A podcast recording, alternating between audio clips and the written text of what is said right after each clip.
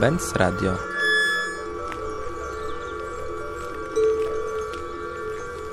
Cześć wszystkim. Witamy w antykontrrewolucjach. Tutaj Michał. Kasper. Sytuacja jest taka, że razem z Kasprem już się kilka lat przyjaźnimy. I gdzieś na drodze tej przyjaźni wielokrotnie nam się zdarzało prowadzić wiele ciekawych rozmów e, o tematyce filozoficznej, edukacyjnej, działaszowej itd. I gdzieś po drodze wypracowaliśmy jakieś takie bardzo specyficzne poczucie humoru, które zazwyczaj ludzi bardzo konfunduje, ale też zdarza się, że jest doceniane. Rzadziej. ale pomyśleliśmy, żeby nadać naszej, naszym rozmowom taką formę właśnie jakiejś audycji. I oto tu jesteśmy, aby eksplorować tematy związane z z antykontrrewolucjami.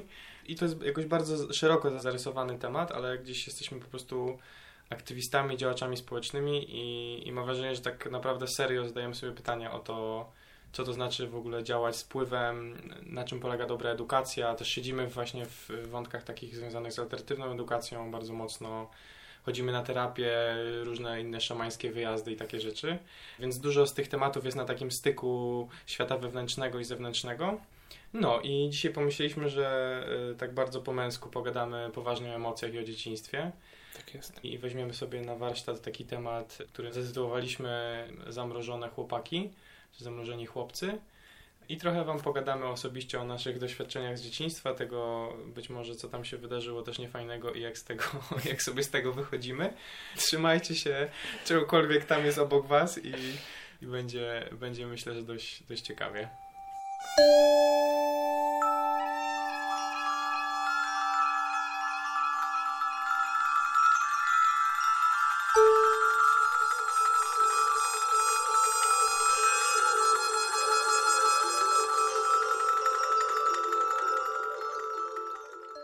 Inspiracją do wybrania dzisiejszego tematu rozmowy jest książka autorstwa Alice Miller, która jest e, psychoterapeutką specjalizującą się w traumach z dzieciństwa. Napisała książkę Dramat udanego dziecka, w której w ogóle w taki bardzo przystępny i barwny, ale też konkretny i treściwy sposób e, opisuje swoje odkrycia na ten temat. Jest to książka, która bardzo dużo we mnie poruszyła tematów i jakichś hmm. wspomnień w ogóle też dzieciństwa właśnie, które gdzieś miałem zagrzebane. I chyba zacznę od tego, że po prostu wspomnę o tych rzeczach, które, które były dla mnie tam najbardziej ciekawe. Alice Miller pisze tam o takim mechanizmie, że jeżeli dziecko w czasie tych pierwszych lat swojego rozwoju nie ma przy sobie takiego dobrego dorosłego, czy jakiegoś, jakiegokolwiek towarzysza, który byłby w pełni akceptujący wobec wszystkich stanów emocjonalnych tego dziecka. Jeżeli na przykład rodzic nie akceptuje tego, że dziecko czasami się denerwuje, czy smuci, czy gniewa i sam czuje się niekomfortowo, kiedy widzi, że jego dziecko przeżywa trudne emocje, to dziecko zaczyna to dostrzegać i w obawie przed y, utratą akceptacji i miłości swojego rodzica uczy się nie przeżywać tych emocji, czy też y, tłumić je. I czasem te dzieci stają się na tyle po prostu mistrzami tej sztuki tłumienia emocji, że później w dorosłym życiu, jeżeli nie mają okazji jakichś terapeutycznych y, przeżyć w związku z tym, to prowadzą życie często nie będąc w stanie przeżywać w ogóle jak pewnego rodzaju emocji. Mhm. I opisała to na wielu przykładach właśnie swoich pacjentów. Dla mnie ta, ta główna teza, tak opowiedziana od drugiej strony, jest z takiej może społecznej bardziej perspektywy, jest taka, że, że tak naprawdę większość z nas, zdecydowana moim zdaniem, jakby ma po prostu bardzo traumatyczne dzieciństwo.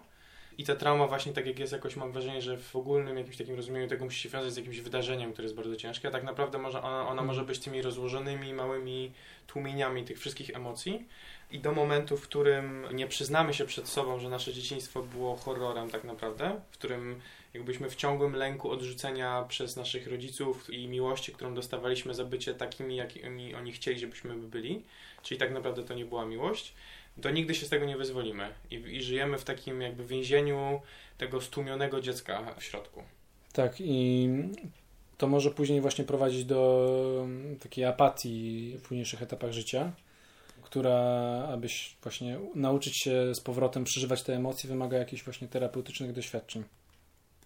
Też takim wątkiem bardzo interesującym dla mnie było to, jak ona opisuje, w jaki sposób ludzie zaczynają sobie radzić z tym stanem, w którym właśnie nie mogą przeżywać pewnych emocji, czy muszą sobie stale zapracować na, na właśnie poczucie jakiejś takiej akceptacji, o ile można to nazwać akceptacją, jeżeli jest właśnie warunkowa. I ona tam pisze, że takimi głównymi dwoma sposobami reakcji na to jest właśnie pójście w narcyzm, czyli jak ona pisze oryginalnie grandiosity. Polski odpowiednik jest y, mocniej chyba negatywnie nacechowany. Ja to sobie jakoś tak tłumaczyłem na zaburzenia wielkościowe, że po prostu człowiek musi sobie udowadniać sobie i innym, że jakby zasługuje na to, na tą miłość czy czucie się dobrze poprzez bycie świetnym w pewnych rzeczach. To może być, że jest, nie wiem, piękny czy piękna, albo świetna w szkole, albo w sporcie, w czymkolwiek. Że tak, po prostu ma dużo, dużo lajków i jakby i taka, taką obsesję, którą ja u siebie w tym rozpoznaję, bo, bo, bo też czuję, że sam się jakby leczę z tego konkretnego jakby zaburzenia, powiedzmy, jest właśnie coś takiego, że nie wiem, jeżeli wrzucam jakiegoś posta, to jakby wracam, żeby sprawdzić jakby ile dostałem akceptacji społecznej, jakby w mm. poszukiwaniu jakoś tej właśnie takiej pseudomiłości. No, chyba, chyba coś chciałem jeszcze dokończyć. Znaczy też chciałem powiedzieć, że ten wątek wybitności też jest dla mnie bardzo istotny, właśnie po prostu dla mnie jako osoby po prostu w moim życiu, że jest to jakiś temat, z którym się mierzyłem i nadal mierzę i, też czuję, że jestem w jakiś sposób przykładem tego, tego mechanizmu. No i myślę, że po prostu w pewnym momencie do tego wrócimy. No dobra, to kopiąc dalej ten dołek, próbując go jakoś zrozumieć, jak się też żyje, może trochę w tym stłumieniu tych emocji.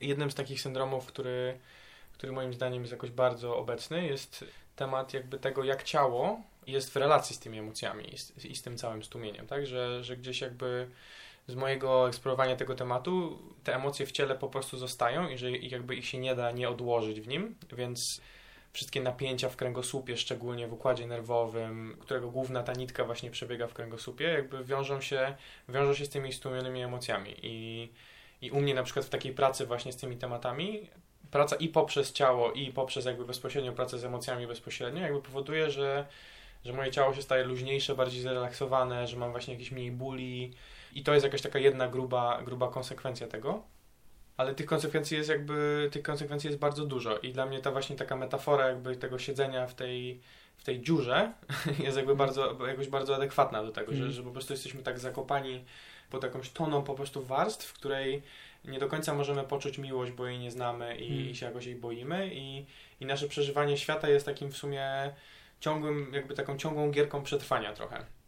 I mam taki fajny cytat, y, który chcę Wam przeczytać od Davida Hawkinsa, y, który, który jest, y, już nie jest, zmarł, zmarł parę lat temu, był psychiatrą, bardziej powiedzmy w takim akademickim wydaniu pisał książki, i zajmował się tym tematem też jakby pracując z pacjentami i potem troszeczkę skręcił jakby taką stronę bardziej duchową i zaczął poszerzać te horyzonty, więc zaczął widzieć te wszystkie linki między tym, jak środowisko na przykład wpływa na, na ten stan i jak też je kieruje, ale też jak to się odbija w ciele i z jakimi chorobami to się wiąże, że właśnie kolejny wątek jakby nie zamykając się tylko do po prostu napięć mięśniowych w ciele jest taki, że, że, że po prostu w ogóle większość chorób prawdopodobnie jest jakby na bazie właśnie napięć emocjonalnych. No i on opisuje to jakby to bycie w dziurze w taki sposób. Wszędzie nosimy ze sobą ogromny, nagromadzony zasób negatywnych uczuć, postaw i przekonań. Nagromadzone napięcie sprawia, że cierpimy i jest przyczyną wielu chorób i problemów. Zrezygnowani pogodziliśmy się z nim i usprawiedliwiamy, nazywając to ludzką naturą. Pragniemy uciec od tego na niezliczone sposoby. Przeciętny człowiek spędza całe swoje życie na próbach uciekania od wewnętrznego zamętu spowodowanego strachem i stara się uniknąć cierpienia. Poczucie własnej wartości jest stale narażane na niebezpieczeństwo pochodzące zarówno z zewnątrz, jak i od nas samych. Gdy przyjrzymy się temu uważniej, zobaczymy, że ludzkie życie jest niekończącą się skomplikowaną walką, której celem jest ucieczka przed wewnętrznymi lękami i oczekiwaniami, które projektujemy na świat. No i oczywiście mówi jakby o tym człowieku uwięzionym w tej sytuacji, co znowu no, z mojej eksploracji tematu oznacza jakby 99% społeczeństwa. I jest to teza jakby dość mocno zgaduję. No, ale, ale ja mam takie przekonanie, że to naprawdę tak wygląda, no bo tak wyglądają dominujące praktyki wychowawcze jakby dzisiaj, tak, że jakby na przykład zawstydzanie swojego dziecka jest po prostu głównym sposobem na to, żeby jakby je kontrolować. Jakby w, w ogóle ten tekst, jakby wstydziłbyś się, po prostu jest takie Mm. zapraszam cię do czucia wstydu. Mm. Teraz powinieneś czuć wstyd. I teraz takie dziecko, które ma 2, 5, 15 lat jest jakby pod, pod bardzo dużym wpływem tego rodzica i tak naprawdę jego kontrolą, no bo, Mm. no bo jakby ten rodzic decyduje o całym jego życiu i on po prostu nie może temu jakby się oprzeć, tak naprawdę. No tak samo teksty typu nie płacz, bądź spokojny, nie denerwuj się. No. Wszystko jest jakby ta sama historia, tylko że, że w różnych wydaniach. No, no dobra, to chyba kontynuacja grzepania dziury znowu w tym kawałeczku zakończone i wrócimy być może już z większą ilością światełka. Kiedy czytałeś ten fragment y, z technik uwalniania, to przyszło mi do głowy taka, taka refleksja, czy też wspomnienie takich sytuacji, w których właśnie czułem się gorzej i zacząłem już to sobie obserwować, jak na to reaguję, na to, że nie wiem, jest jakieś wydarzenie w moim życiu, które sprawia mi, sprawia mi dużo smutku, czy bólu, czy gniewu i teraz wyraźnie widzę, że to ma po prostu bezpośredni wpływ na moje takie odcinanie się od samego siebie. Im bardziej czuję ten, te jakieś trudne emocje, tym łatwiej mi się ucieka w telefon, w patrzenie się w ekran, oglądanie śmiesznych filmików. W... No, ostatnio obejrzałem chyba już połowę Friendsów obejrzałem w poszczególnych fragmentach, w bloopersach łącznie z... Poprzez krótkie filmiki. Tak, łącznie z bloopersami. No, więc taki to ma wpływ. Czy też na przykład jedzenie, tak? W sensie, że w takich sytuacjach też uciekam w jedzenie jakiejś tłustej pizzy i po prostu wtedy mi tak odpływam w jakąś drzemkę, która się mnie wcale nie regeneruje, tylko właśnie tak sprawia, że nie, nie myślę już o tym. To jest właśnie taka ucieczka, no nie? No to w ogóle cały ten wątek jakby uzależnień jakby, nie? Też, że, że gdzieś teraz mam wrażenie, że taki znowu ogólny obraz jakby uzależnień wygląda tak, że albo obwiniamy osobę uzależnioną, że ona Mm. podejmuje decyzję, żeby być uzależniona w Mm. jakiś sposób i ją obwiniamy i karamy na to i cały system jakby więziennictwa, Mm. sądownictwa jest tak stworzony. Albo szukamy powodów samej tej substancji w sobie. Mm, Jakby, mm, a tak naprawdę moim zdaniem jakby to jest gdzieś jakby znowu w tym Mm. świecie wewnętrznym. W sensie, Mm. że gdybyśmy nie potrzebowali chwilowej ulgi, chwilowej ucieczki i potrafili Mm. przeżywać swoje emocje, bóle w ciele Mm. i tak tak to w ogóle nie byłoby potrzeby na to. Mm. Tak? I ciekawe przykłady jakby eksploracji tego tematu używa Gabor Mate, który jest właśnie takim ekspertem od, od uzależnień i i, I podaję przykład, już nie pamiętam, jakie tam są dokładnie procenty, ale mm, żołnierzy, którzy wracali amerykańscy Mm. z, z Wietnamu i tam był jakiś taki po prostu absurdalny poziom jakby uzależnienia od heroiny, chyba 80%. I oni poprzez sam powrót do Stanów Mm. z tej sytuacji bycia w jakby w super stresie podczas Mm. wojny, podczas walki, z 80% obniżyło się do 10%. mm, Co jest jakby totalnie jakby przeciwstawia się wszystkim tezom a propos tego, jak leczyć uzależnień, bo Mm. po prostu przez samą zmianę środowiska Mm. i tego stresu, który był w, y, jakby naokoło nich, Mm. oni się uzdrowili jakby uzależnienia od heroiny. mm. Więc gdyby sama heroina w sobie była uzależniająca tylko i wyłącznie, to teoretycznie to się nie powinno wydarzyć. Mm. To jest jakiś osobny wątek, ale myślę, że on jest Mm. bardzo ważny w ogóle, bo te uzależnienia to jest coś, co jakby też trochę to ustawiamy bardzo często jako alkohol, coś tam, coś tam, ale, ale to, są, to są tak Mm. małe rzeczy, które po prostu robimy codziennie, jakieś właśnie trzy gryzy więcej Mm. po prostu, żeby trochę się na chwilę chociaż odciąć i Mm. uciec. Tak dobrze znam u siebie po prostu i, Mm. i tyle tych mechanizmów obserwuję. Masz coś jeszcze z, z tego wątku? Zastanawiam się, czy nie warto wspomnieć o jakby podejściu Gabora Mate do jakby leczenia uzależnień.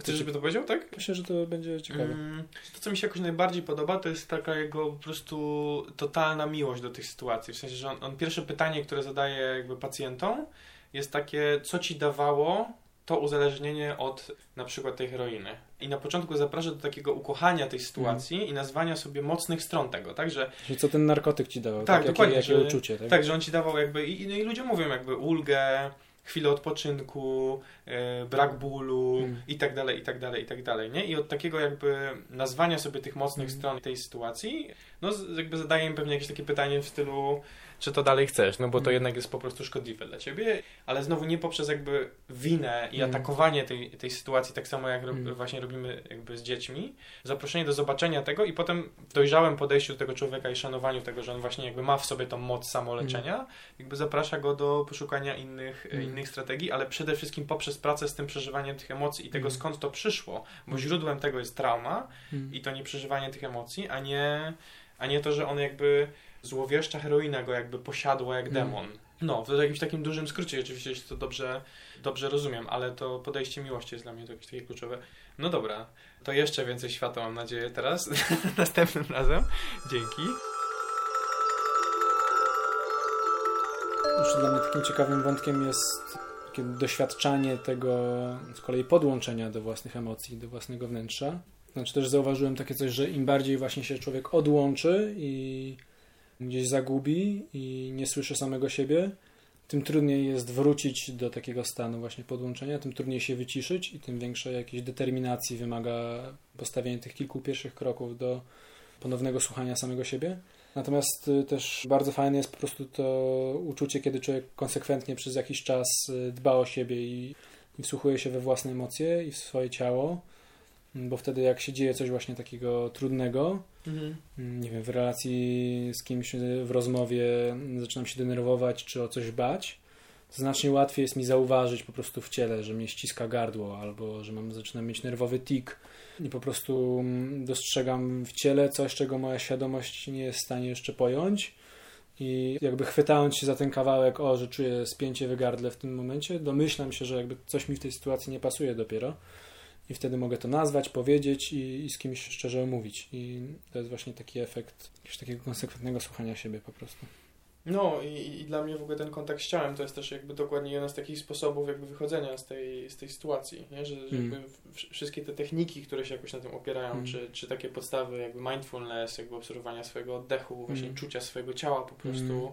jakby dokładnie się z tym, z tym wiążą, bo i też jakby to, to nie będzie przyjemna sytuacja, mm. tak? W sensie tak samo jak właśnie w jakiejś dłuższej medytacji, czy w czymś takim po prostu mm. wyłazi jakby, uruchamiasz po prostu pralkę, która jest jakby pełna brudnych mm. ciuchów i po prostu one zaczynają mm. jakby, ten syf wychodzi po prostu z tego wszystkiego.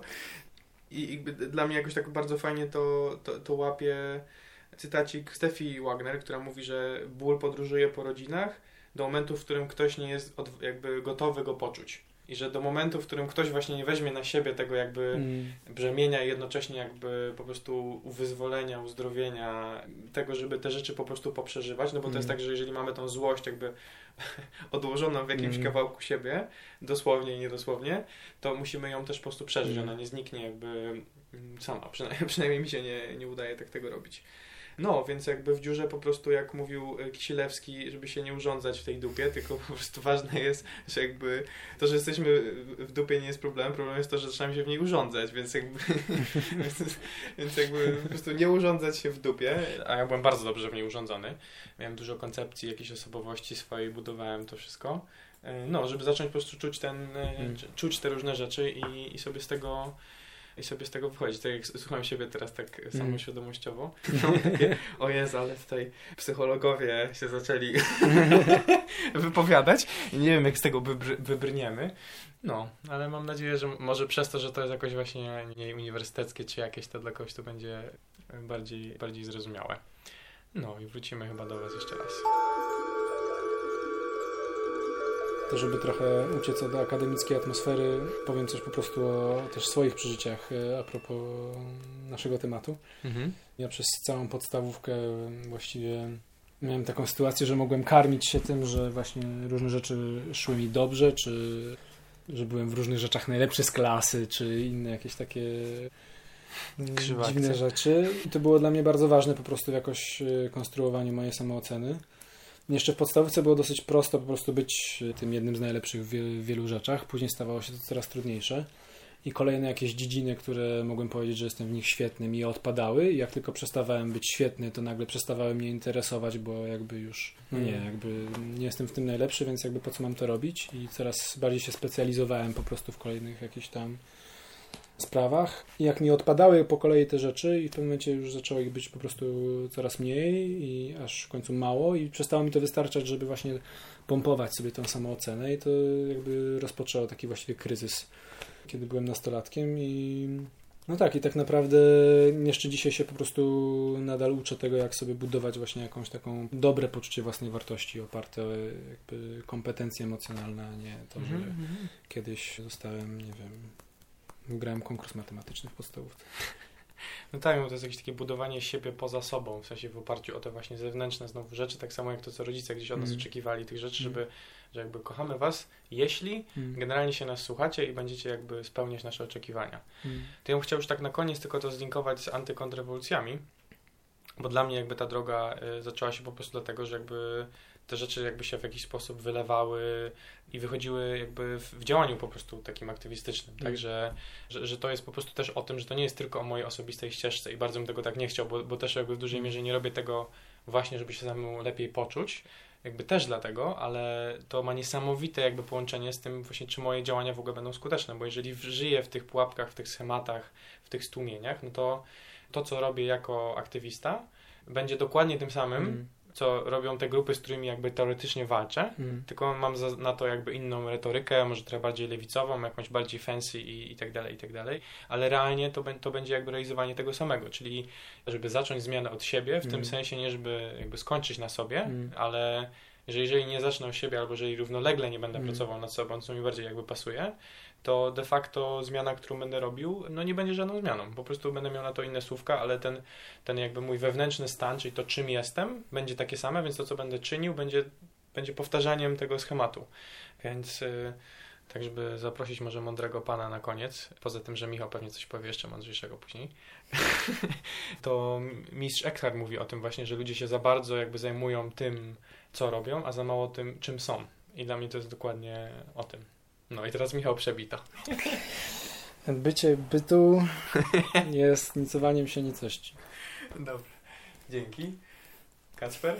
Michał, antykontrrewolucja. I próba antykontrrewolucji. Cześć, cześć.